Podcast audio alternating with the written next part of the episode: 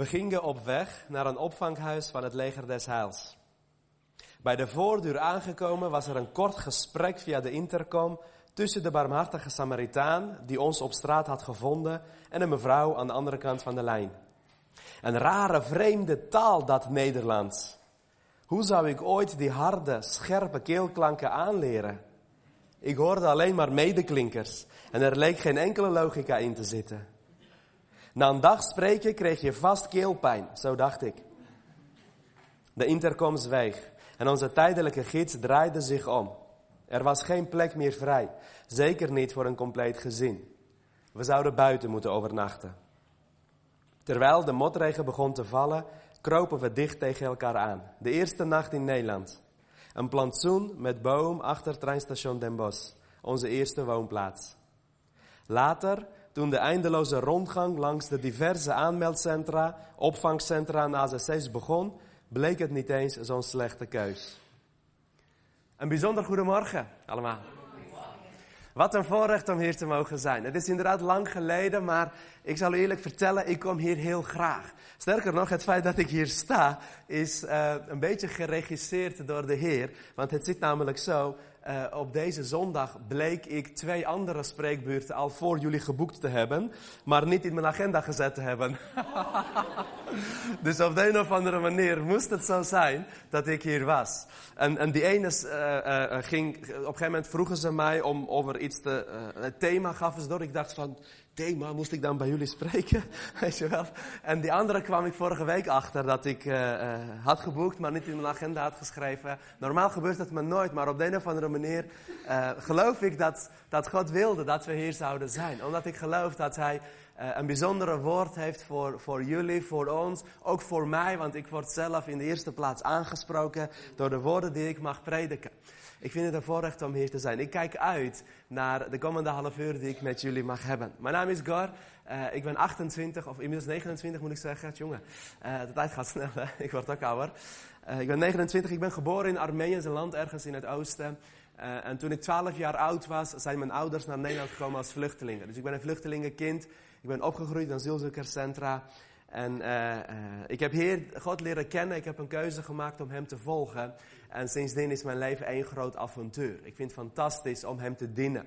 Ik ben hier samen met uh, een team. We zijn nu met z'n vierde. Gisteren waren we met z'n zessen. Ik heb uh, een goede vriend, uh, haar zus en een, en een, vriendin mee. Dus we zijn samen ook als Armeniërs op stap om, om, om Hollanders te zegenen. En ik vertelde gisteren ook aan de Celebration Team. Ik weet niet of jullie wisten, maar Sint Servaas, die, die een beetje de christendom hier in de regio heeft gebracht, was een Armeense missionair.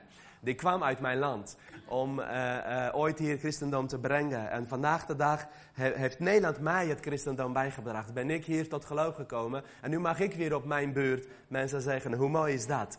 Hoe, hoe bijzonder zijn de werken van God? Het woord van vandaag wat ik wil delen, heb ik op mijn hart gekregen tijdens mijn werk.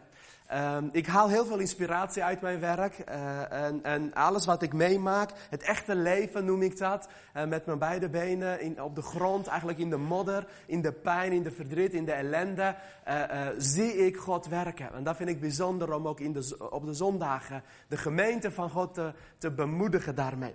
Ik had een, een, een, een dienst, ik werk op een spoedeisende hulp. Ik had een dagdienst, gewoon een normale werkdag. Toen kreeg ik een melding dat er een man met de ambulance binnen gebracht. En uh, uh, er werd gedacht aan een hartaanval, een hartinfarct. Nou, dan moet je snel handelen. Er zijn een paar dingen die heb ik goed in mijn hoofd. Dus op zich, tot zover niks aan de hand. Ik stond klaar om die man op te vangen samen met een paar verpleegkundigen. En op een gegeven moment kwam die man binnen. En terwijl de ambulance zo met de brancard naar binnen reed, zag ik dat deze man begeleiding had. Nou komen veel meer mensen met begeleiding, maar vaak is dat van familie. Maar deze man die had twee grote kerels bij zich met kogelvrije vesten en machinegeweren.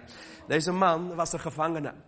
En uh, nou, het is altijd wel weer spannend en leuk als zo iemand binnenkomt. Er is altijd een klein circus, gaat eraan vooraf. Maar weet je, dat, dat, dat, dat vind ik spannend. Dat soort dingen vind ik spannend. was een man van uh, een wat oudere man. Nou, voelt hij zich niet aangesproken. Een man, een jaar of 50, 55.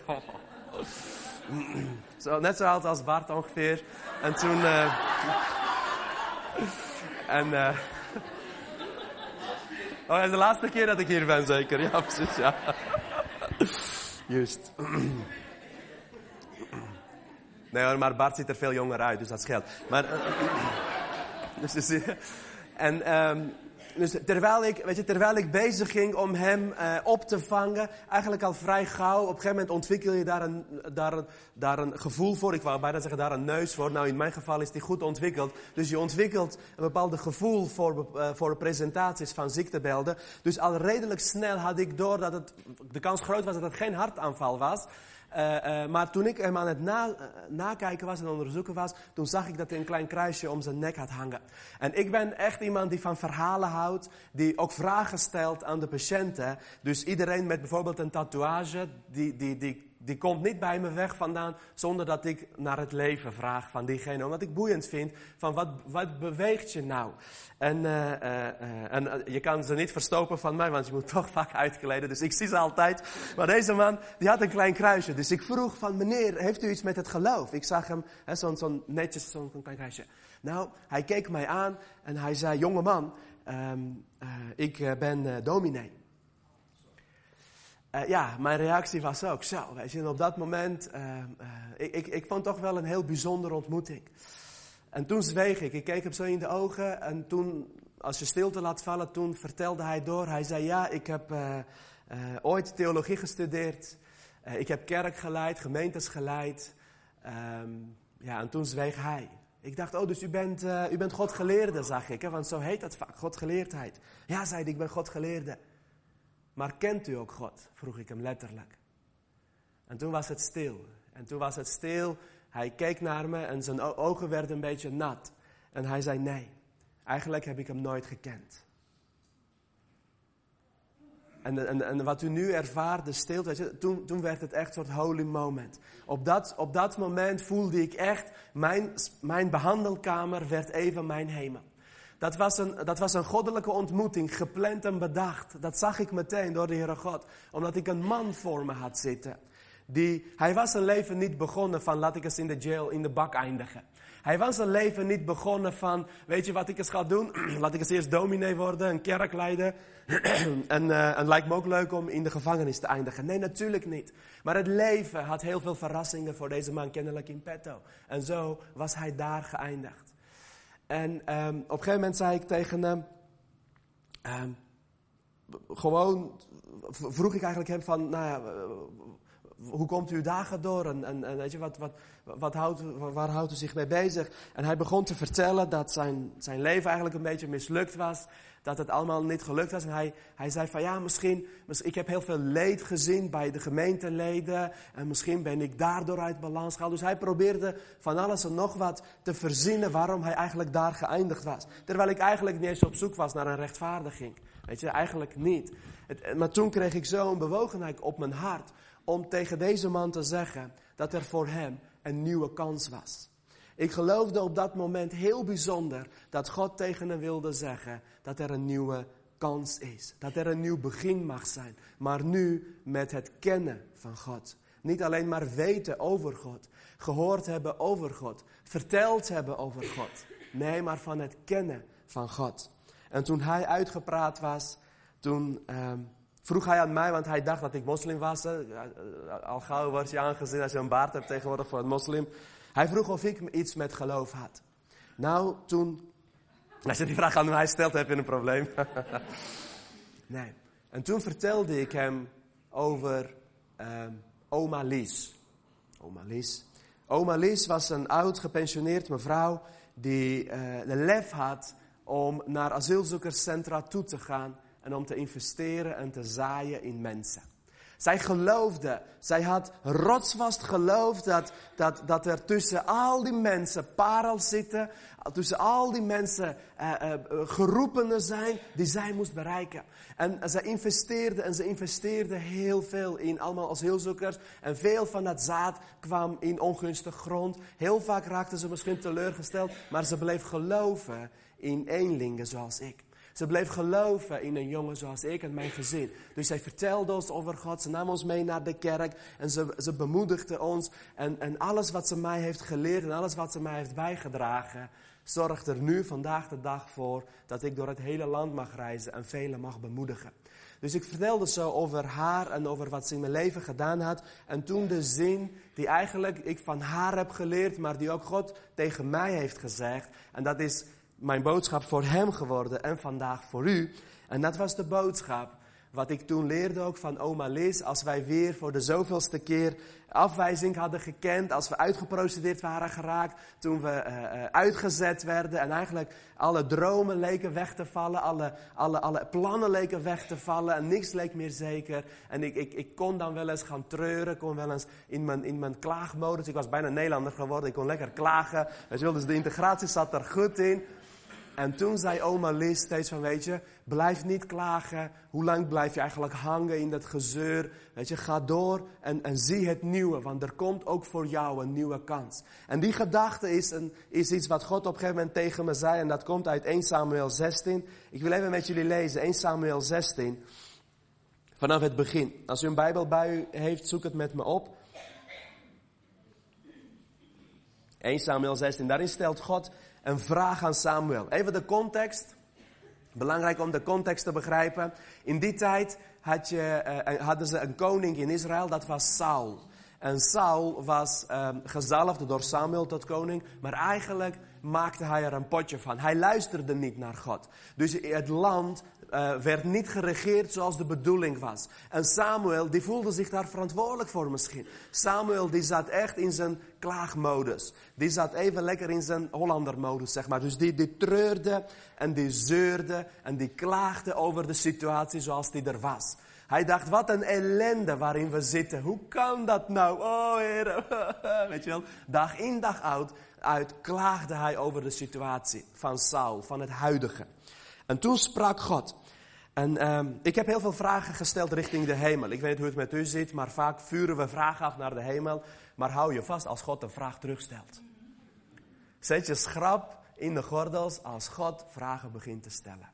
En hier stelde God een vraag aan Samuel, 1 Samuel 16. De Heer vroeg aan Samuel, hoe lang blijf je nog treuren om Saul, die ik als koning van Israël verworpen heb? Kom, Vul je hoorn met olie en ga voor mij naar Isaïe in Bethlehem. Want een van zijn zonen heb ik als koning uitgekozen. Hoe kan ik dat nu doen? wierp Samuel tegen. Saul zal me vermoorden als hij het hoort. De Heer antwoordde, neem een jonge koe mee en zeg dat je gekomen bent om de Heer een offer te brengen. Even tot zover. En deze zin, hoe lang blijf je nog treuren om de huidige situatie, gaf God aan mij daar in mijn behandelkamer. Met een man voor me, wiens leven één grote treurnis was. Een man voor me die probeerde te vertellen wat hij allemaal tekort was gekomen in zijn leven, waardoor hij stond op de punt waar hij stond. En toen vroeg God aan hem, door de monden van een, een jonge gast die ooit hier als vreemdeling is gekomen. Door een jonge gast die ooit Ehm, het van anderen moest leren en moest groeien en, en, en, en her en der werd afgewezen, maar op veel plekken werd geaccepteerd en werd gegeven, in overvloed werd gegeven door mensen om me heen.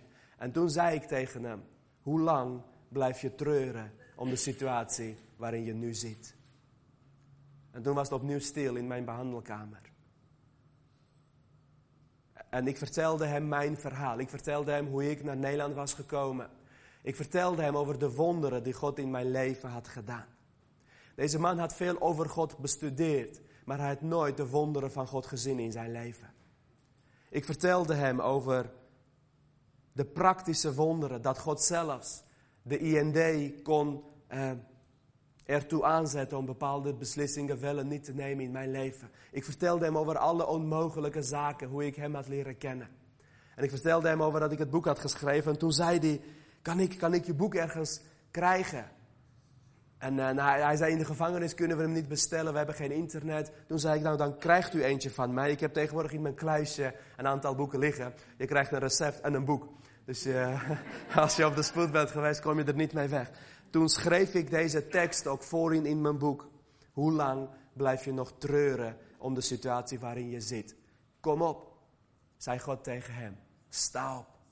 Vul je hoorn opnieuw met olie. Wat is er gebeurd? Wat is er gebeurd dat je de olie die je ooit had. want, want hij was desnoods, hij was geroepen om mensen te zalven met de olie van God. Maar zijn kruik, zijn hoorn was leeg. Leeg.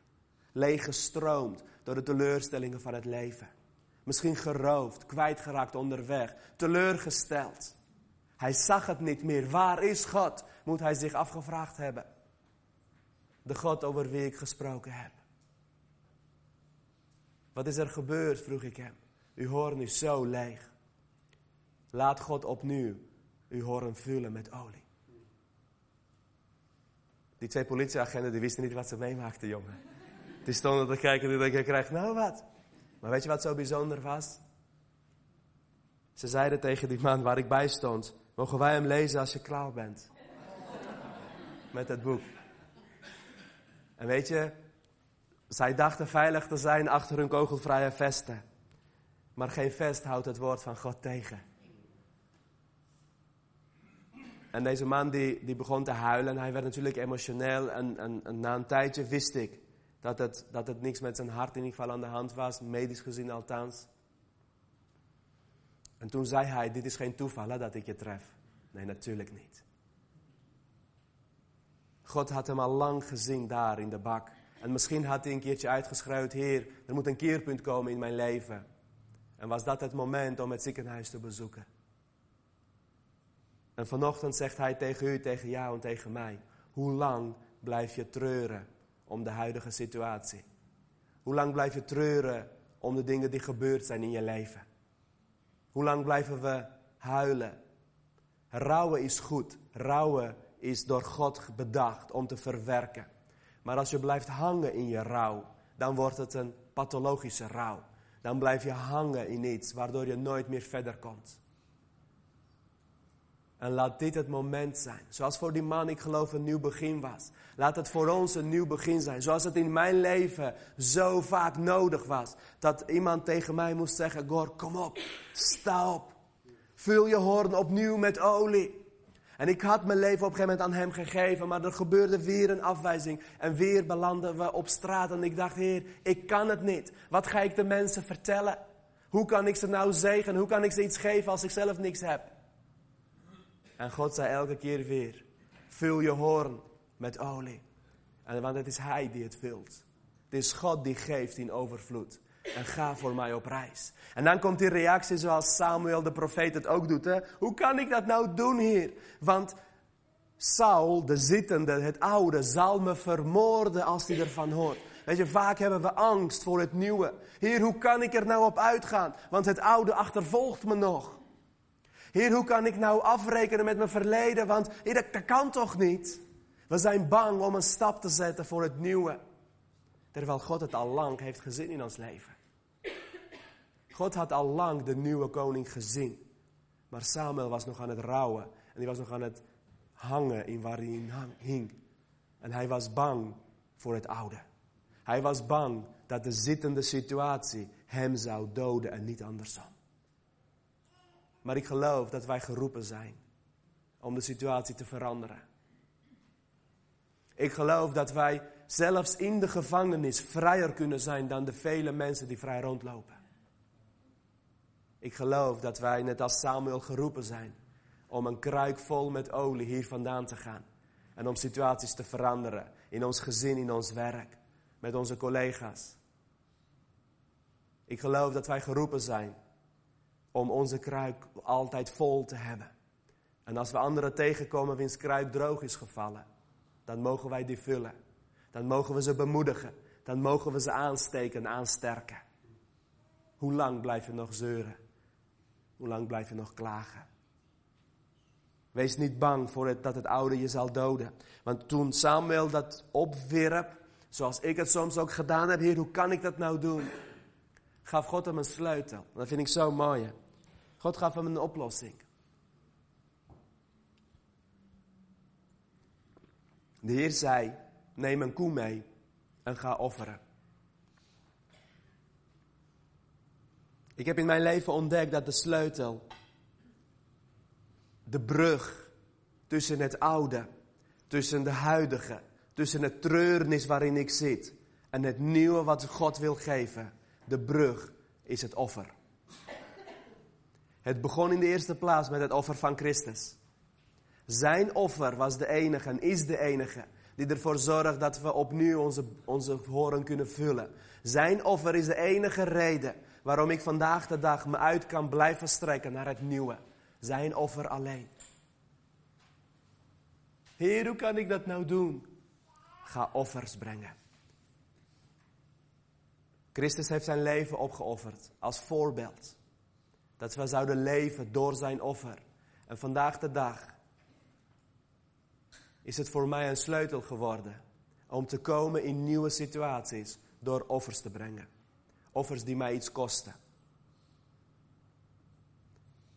Loslaten, daar zijn we slecht in. Hè? Loslaten. Soms moet je offers brengen wat je iets kost. En dan zul je zien dat het nieuwe binnen handbereik ligt.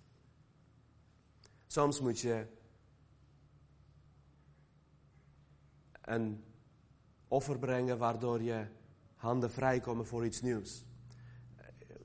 De reden dat ik stil dat is, ik moest bedenken, soms, soms weet je van, stel ik zit met een baan of met werk waardoor ik gewoon niet verder kom. En soms moet je dat opofferen, omdat God iets nieuws wil geven. Dan heeft hij al iets nieuws voor je, maar je bent bang om iets los te laten. Want wat gebeurt er als ik iets loslaat? Dan weten we het niet. Samuel moest offers brengen. En hij doet dat hij pakt een oude koe, of een jonge koe. Wat was het eigenlijk? Een koe. Was het een koe? Een kalf. Dat was een kleintje. En hij ging op weg. Hij ging op weg om de nieuwe koning te zalven. Nou, het verhaal moet je even zelf lezen, dat is heel leuk. Dan komt hij aan op een gegeven moment bij Isaïe. En Isaïe die heeft een aantal zonen. Hij gaat daar, uh, uh, gaan ze de offers, offer brengen. En op een gegeven moment komt de eerste zoon van Isaïe binnen. En dat was een grote, sterke, gespierde jongen. Zeg maar zoals wij Oosterlingen kunnen zijn. Weet je wel? Zo. Toch? Zo ongeveer moet het geweest zijn. Dus hij komt binnen en natuurlijk is Samuel onder de indruk van zo'n gast. Wauw, denkt hij. Dat is vast een nieuwe koning. En want wij gaan vaak op het oog af. Vaak als we aan het treuren zijn met iets wat we zitten, dan zien we iets nieuws en denken we, oh, maar dat, dat is een held. Maar dat is, wauw, is zo menselijk hè. Nee, zegt de Heere God, hij is het niet. Oh, oh, sorry Heer. Nou, de volgende komt voorbij. Net zo knap. Er komt weer een knappe Oosterse man langs. Wauw, dat is hem. Nee, zegt hij, dat is hem ook niet. En zo komen alle zonen voorbij. En dan vind ik het zo bijzonder als de laatste geweest is. Moet je je voorstellen dat jij Samuel bent. Dan denk je van, hmm. Ik heb ze allemaal gehad. En hij zit er niet tussen. Ik denk dat ik het adres heb vergist, weet je wel. Ik zit bij de verkeerde Isaïe. Dat kan. Is dit het Heer? Een Nederlandse gezegde. Moet ik roeien met de riemen die ik heb? Moet ik het hiermee doen? Moet ik het hiermee doen, Heer? Vraagt Samuel richting de hemel. Nee. Weet je, soms is voor een vrouw of een man van God niet dat je moet roeien met de riemen die je hebt.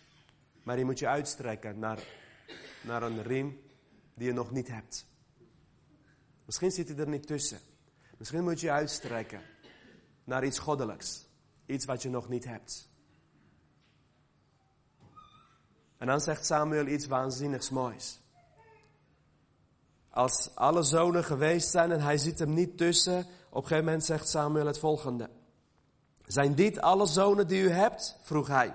Nee, antwoordde Isaïe, de jongste is er niet bij. Die hoedt de schapen en de geiten.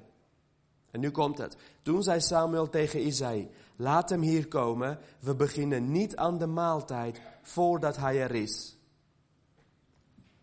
Weet je, Samuel, die zei, ik, begin ik ga niet aan tafel voordat mijn ogen het heil van God hebben gezien. Ik ga niet aan tafel voordat ik getuige ben geweest van de reddingsplan van God. Ik ga niet aan tafel voordat ik het wonder gezien heb waarvoor ik hier ben. Ik ga niet hier weg voordat ik zie, voordat ik ervaar, voordat ik merk dat God doet voor het nieuwe waarvoor ik gekomen ben. Wauw. Wat een houding. Wat een houding. Eerst aan het treuren, zoals wij vaak kunnen treuren. Heer, Kijk naar mijn situatie, kijk naar mijn verleden. Hoe lang nog, Heer? Het is een kwelling, het leven. En niks lukt. En, en, en ik ben ontslagen. En, en, de, en de kerk, dat, die duurt zo lang. En, en, en de spreker beweegt te veel. De koffie smaakt niet meer. En, en, en de muren komen op me af. En allemaal klagen, klagen, klagen. En op een gegeven moment zegt de Heer, ik wil je het nieuwe geven. Verander je situatie. Vul je hoorn met olie, want ik heb je al iets nieuws gegeven. Ja, maar Heer, hoe kan ik dat nou doen? Durf offers te brengen.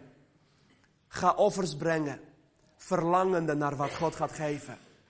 En als je daarmee bezig bent, komen soms oplossingen voorbij. Maar dan vraagt het om lef. Om vol te houden en niet op te geven. Om vol te houden, al zie je soms een dag, een maand, een jaar, tien jaar niet waar je op hoopt. Maar je gebed mag zijn, Heer, ik ga niet rustig slapen voordat ik gezien heb het nieuwe wat u geeft. Heer, ik ga niet rustig zitten eten voordat mijn kind, die, zijn rug naar u heeft gekeerd, weer bij u komt. Heer, ik ga niet rustig aan tafel voordat de situatie van mijn buren, die zo gebroken is, hersteld wordt. Ik blijf de hemel bestormen, Heer. Ik geef de engelen geen, geen, geen slaap. Ik ga, jullie, ik ga jullie wakker houden de hele nacht. Ik ga belletjes trekken totdat je me zo irritant vindt dat u me geeft het nieuwe wat u wilt geven. Wauw. Wat een houding. Wat een houding. Weet je, op die dag was het heel druk op de spoedeisende hulp. Dus ik weet niet wat mijn collega's ervan vonden. Dat ik de deur een beetje op slot had gedraaid. En, en daar met die vier of drie mannen stond. En, en, en dat daar van alles gebeurde. Maar één ding wist ik. Ik ga niet weg voor deze, bij deze man vandaan. Voordat hij niet tot leven komt. Want zijn hart klopt nog steeds wel, maar hij is hartstikke dood. Zijn geest moet tot leven komen. En met een pilletje kan ik zijn hart wel klopend houden. Maar hij heeft het woord nodig. Hij heeft weer hoop nodig. En eigenlijk heb ik hem pas laten gaan toen ik hoop in zijn ogen zag. Toen ik sprankeltje, toen ik, toen ik zijn ogen weer zag glimmen. En eigenlijk, ik zag dat hij zin kreeg om zich met Gods woord opnieuw bezig te houden. Echt waar. Weet je, soms kan het zo stoffig zijn geworden. En toen ik dat in zijn ogen zag, toen dacht ik, hier, nu kan ik rustig verder. En ik weet niet wat, er, wat u verder met hem doet. Maar die woorden wat ik nu predik heb ik op een A4'tje gekregen. Goed hè? Ik heb het opgeschreven voor hem. Hoe lang blijf je nog treuren? Sta op. Vul je hoorn met olie. En eigenlijk wat daar gebeurde is, is dat ik zijn hoorn vulde. Dat hij opnieuw zin had. En de mogelijkheid had. En de hartsgesteldheid had. Om God opnieuw te zoeken. En om tot herstel te komen in alles wat kapot was gegaan in zijn leven. Wauw. Hoe bijzonder is dat? Hoe bijzonder is dat? Heer, ik ga niet aan tafel. Voordat mijn ogen hebben gezien wat u wilt geven. Het nieuwe.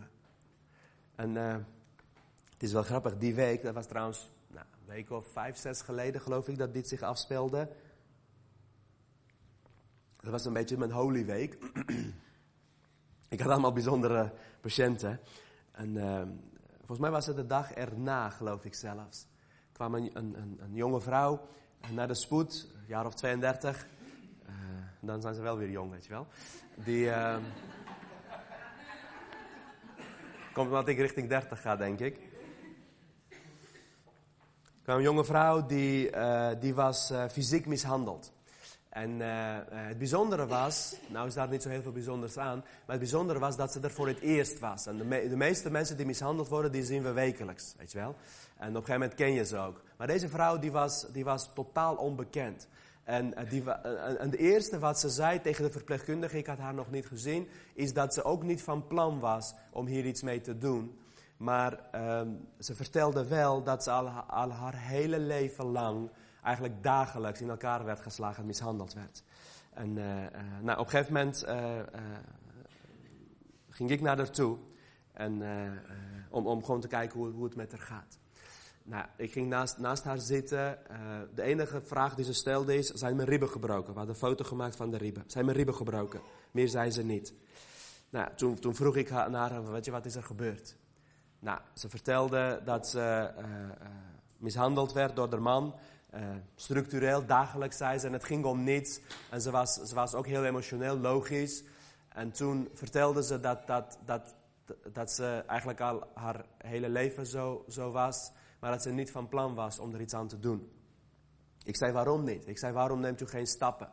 Waarom, waarom zoekt u geen hulp? Nou, zei ze, wat voor zin heeft het? Want niemand kan me helpen. Niemand houdt toch, of geeft om mij, dat zei ze letterlijk. Ze zei, mijn eigen vader heeft me vroeger mishandeld. Ze zei, ik ben geboren in dit leven. Iets anders is er niet voor mij. Iets anders is er niet voor mij. Nou, toen, toen zij zweeg, was dat voor mij de kans om te zeggen, ik geloof dat er wel iets is voor u. Ik zei, ik geloof in een God die in de hemel is en die huilt met u mee. En ik geloof dat zijn hart voor u klopt. En ik vertelde hem over God. Nou doe ik het niet iedereen. Misschien denk je, wat is dat voor een held? Nee hoor, ik doe het niet altijd. Maar dit was een moment dat je weet gewoon, dit is door God gepland. Ik kan er niet omheen. Al heb ik er geen zin in, weet je wel. Ik moet het toch doen, want het is van God. Dus ik vertelde hem dat, uh, dat ik geloof in God en dat er een mogelijkheid is. En ik zei, u kunt ervoor kiezen om een andere leven te leiden. Ze zei, nee, dat kan niet. Ik, ze zei, ik, ik, ik, blijf, ik blijf, zo is ook goed, ik blijf hierin. Ik zei, als u niet kiest, dan wordt uw leven, en dan heb ik letterlijk gezegd, een hel. En ze keek me aan, ze zei, dat is die al. Weet je wel, dus erger kan het niet worden. En ik zei, als u, dat, als u nu geen keuzes maakt om uw leven anders te richten, dan gaat die door in uw kinderen. Is dat wat u wilt? Dat is best confronterend, hè? En dat was voor haar het moment dat ze zei, nee, dat, is wat ik, dat, dat wil ik absoluut niet. Ik wil dat dat stopt. Nou, ik zei, dan moet u sterk genoeg zijn om te geloven dat het anders kan. Want als, de, als je hele leven tegen Jezus vertelt dat dit je leven is, en er is, er staat nog nooit, zei, zei ze echt, ik, ik overdrijf nu niet, soms overdrijf ik wel, maar nu niet. Ze zei letterlijk, no, no, nog nooit heeft iemand tegen me verteld dat ik er mag zijn. Of dat ik geliefd ben. Nog nooit. En dan ben je 32, heb je drie kinderen, twee mannen, mishandeld door je vader, mishandeld door je twee mannen. En je woont met je moeder, samen met je man. Nog nooit heeft ze gehoord dat iemand van haar houdt.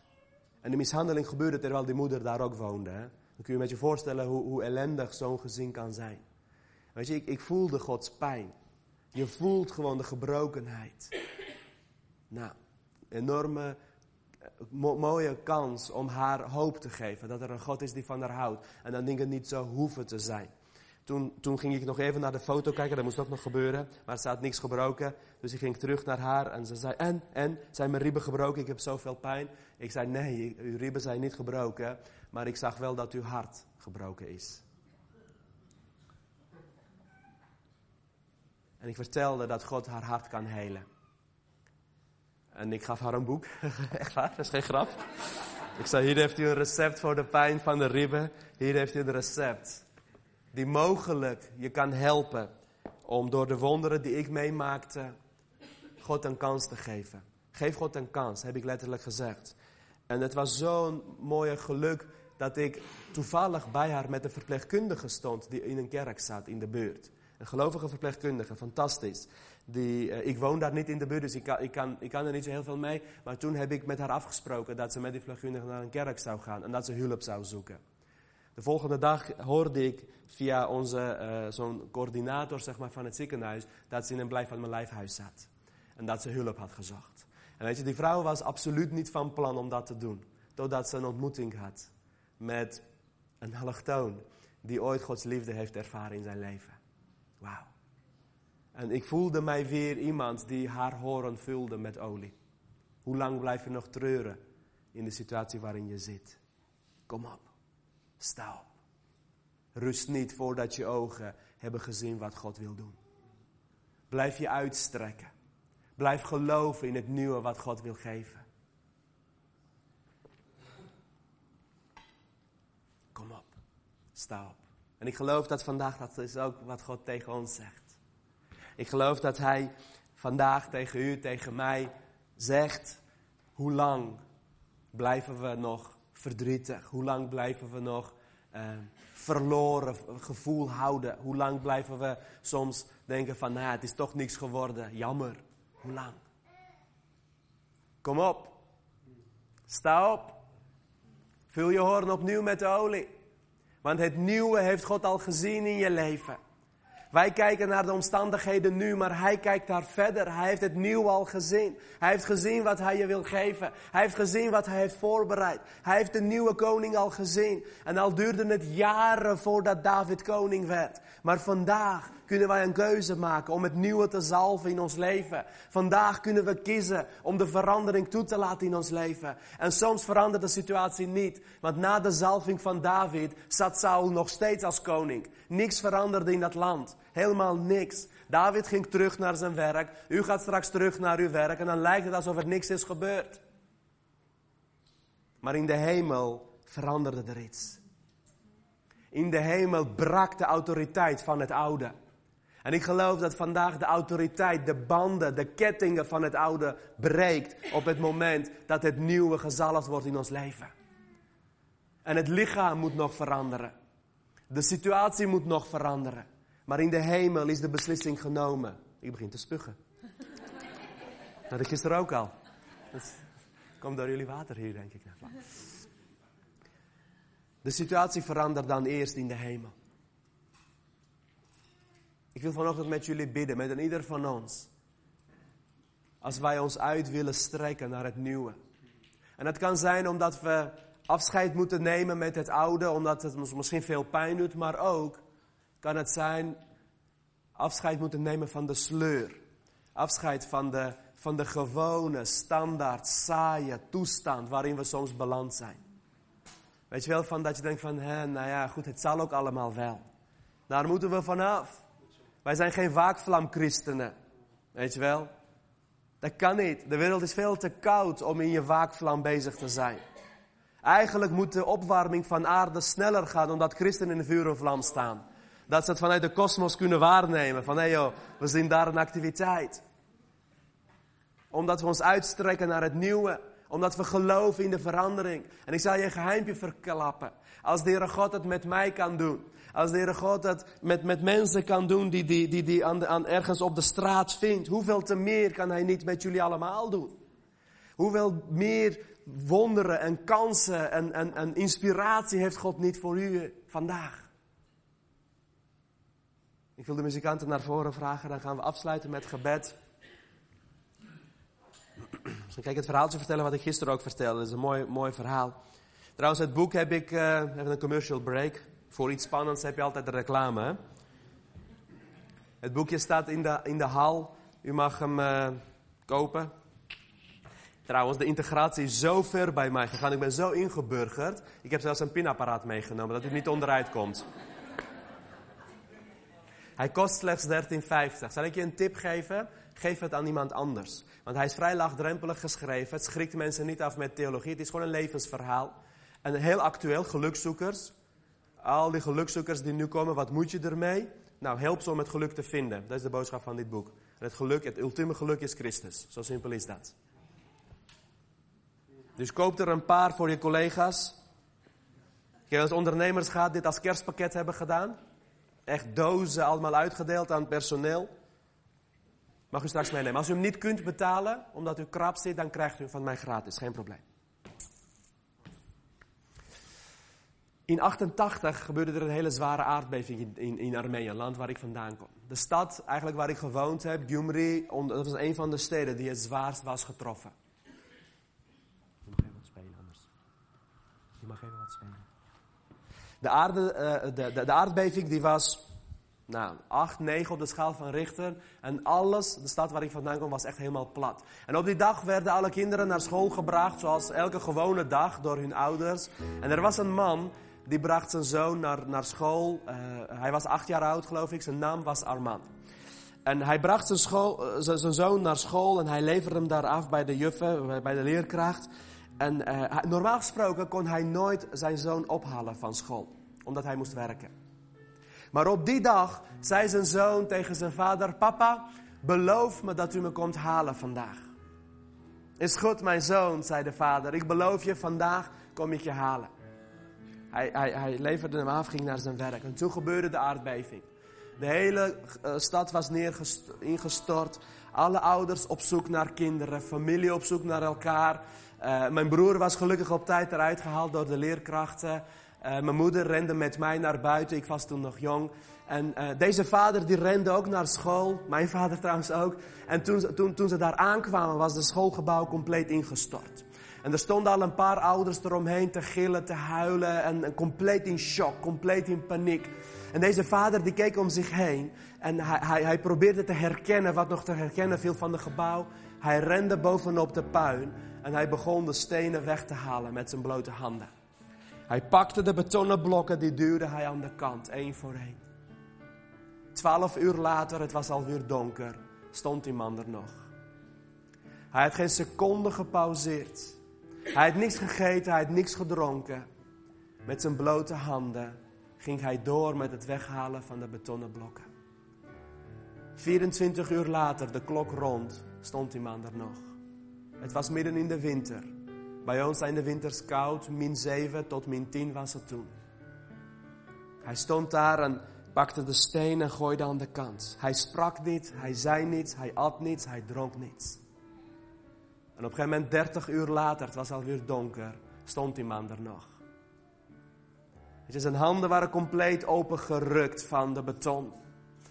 Het bloed druppelde er vanaf. Waarschijnlijk voelde hij niks meer, want de zenuwen waren allemaal kapot. Hij ging door met het weghalen van de stenen, één voor één. En op een gegeven moment, 32, 34, 36 uur later, het was weer licht. Stond die man er nog. En iedereen zei, er is geen hoop meer. Als er al een kind levend is, is die doodgevroren. Is die omgekomen van honger of dorst. Hij negeerde ze compleet en ging door met het weghalen van de stenen.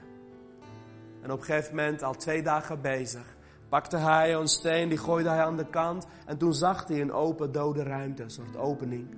Hij deed zijn handen bij zijn mond en hij riep de naam van zijn zoon. Armaan! Armaan! En toen hoorde hij hoe zijn kind terugriep. Ja, papa, we zijn hier. Alles goed met je, mijn zoon? vroeg de vader. Ja, papa, zei hij, ik heb eigenlijk helemaal niks, geen stenen die op mij zijn gevallen. Maar er zijn andere kinderen hier op wie kasten en stenen zijn gevallen, die hebben veel pijn. En die moesten huilen. En het is hier donker en we hebben het koud. papa, we hebben honger, we hebben dorst. En de kinderen zeiden, we gaan hier dood, we worden nooit meer gevonden. Maar ik heb tegen ze gezegd, mijn vader heeft beloofd dat hij ons komt halen vandaag.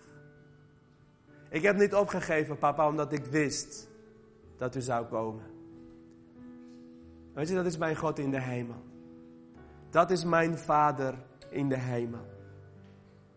Dat is mijn Vader in de hemel die kijkt naar beneden en die ziet je rouwen.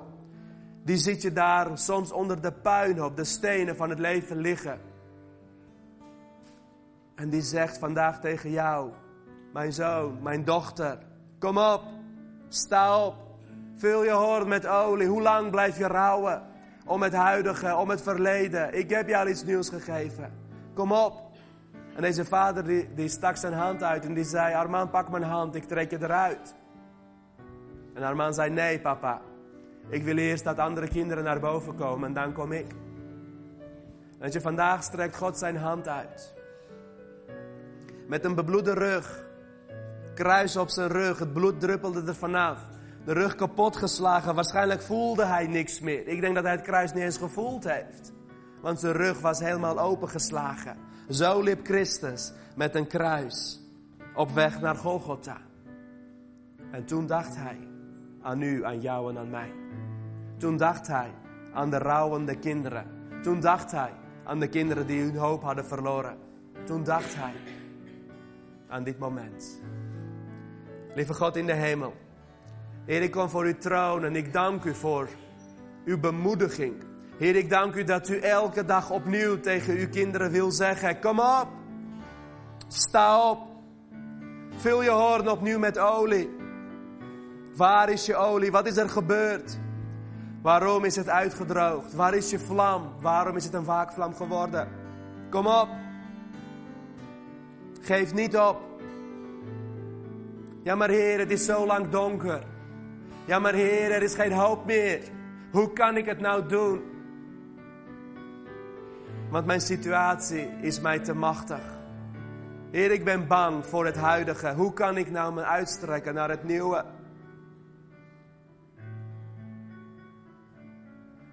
Dat kun je doen omdat Christus zijn leven heeft opgeofferd. Heer, ik dank u dat we vandaag vaarwel mogen zeggen tegen Saul in ons leven. En als jij hier zit, ik wil echt heel persoonlijk met je bidden. Misschien heeft God een persoonlijk woord voor jou. Specifiek in de situatie waarin je zit. Als jij hier zit en je zegt, ja, eigenlijk is mijn leven net als van Armand. Misschien ligt het onder puin. En ben ik aan het rouwen. En durf ik niet me uit te strekken naar het nieuwe. Ik geloof niet meer in het nieuwe in mijn situatie. Dan wil ik je vragen om je hand op te steken, dat ik je kan zien. Heer God, ik dank u voor al deze handen. Heer God, dank u wel dat u het ziet. Hou ze nog even in de lucht, dat ik het zie. Heer, ik dank u voor deze mooie mensen. En vandaag zegt hij tegen jou en tegen u, er is een nieuwe kans. Er is een nieuw begin. Blijf niet rouwen. Hij zal herstellen wat geroofd is. Hij zal je meer geven dan dat je kwijt bent geraakt. Zijn belofte over je leven staat vast. Hij zegent je. Hij wil je in overvloed geven. Heer, ik dank u voor al deze handen.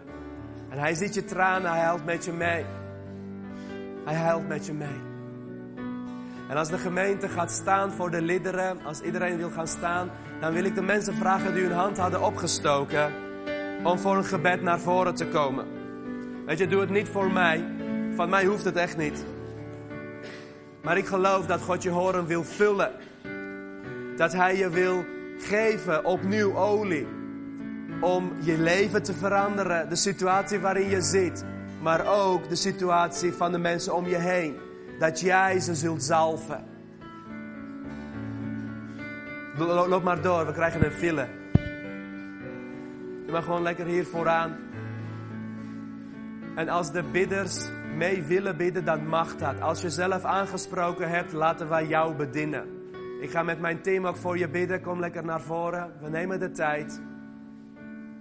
En verwacht het niet van mij. kijk mij eens aan. Kijk mij eens aan. Verwacht het niet van mij. Ik kan jullie niks geven. Ik heb heel, nou ja goed, ik heb wel veel, maar ik kan je niks geven wat je bemoedigt. Ik kan je alleen brengen bij de voeten van Jezus. En ik geloof dat Hij vandaag je kruik opnieuw wilt vullen. Dat je je uit mag strekken. Is het goed als we anders met z'n allen een gebed uitspreken? Gewoon een gebed uitspreken om, om, om het in je eigen woorden ook te zeggen. En dat ik dan voor jullie persoonlijk ga bidden. Is dat een idee? Als je er mee eens bent, zeg me dan even na. Lieve Heer Jezus. Ik wil me uitstrekken naar het nieuwe. Ik blijf niet langer rouwen om mijn verlies. Heer, genees mij. Heer, bevrijd mij. Ik wil me uitstrekken naar het nieuwe. Vul mijn hoorn opnieuw met olie. Geef mij hoop. Geef mij geloof. Ik wil me uitstrekken naar het nieuwe. In de naam van Jezus. Amen.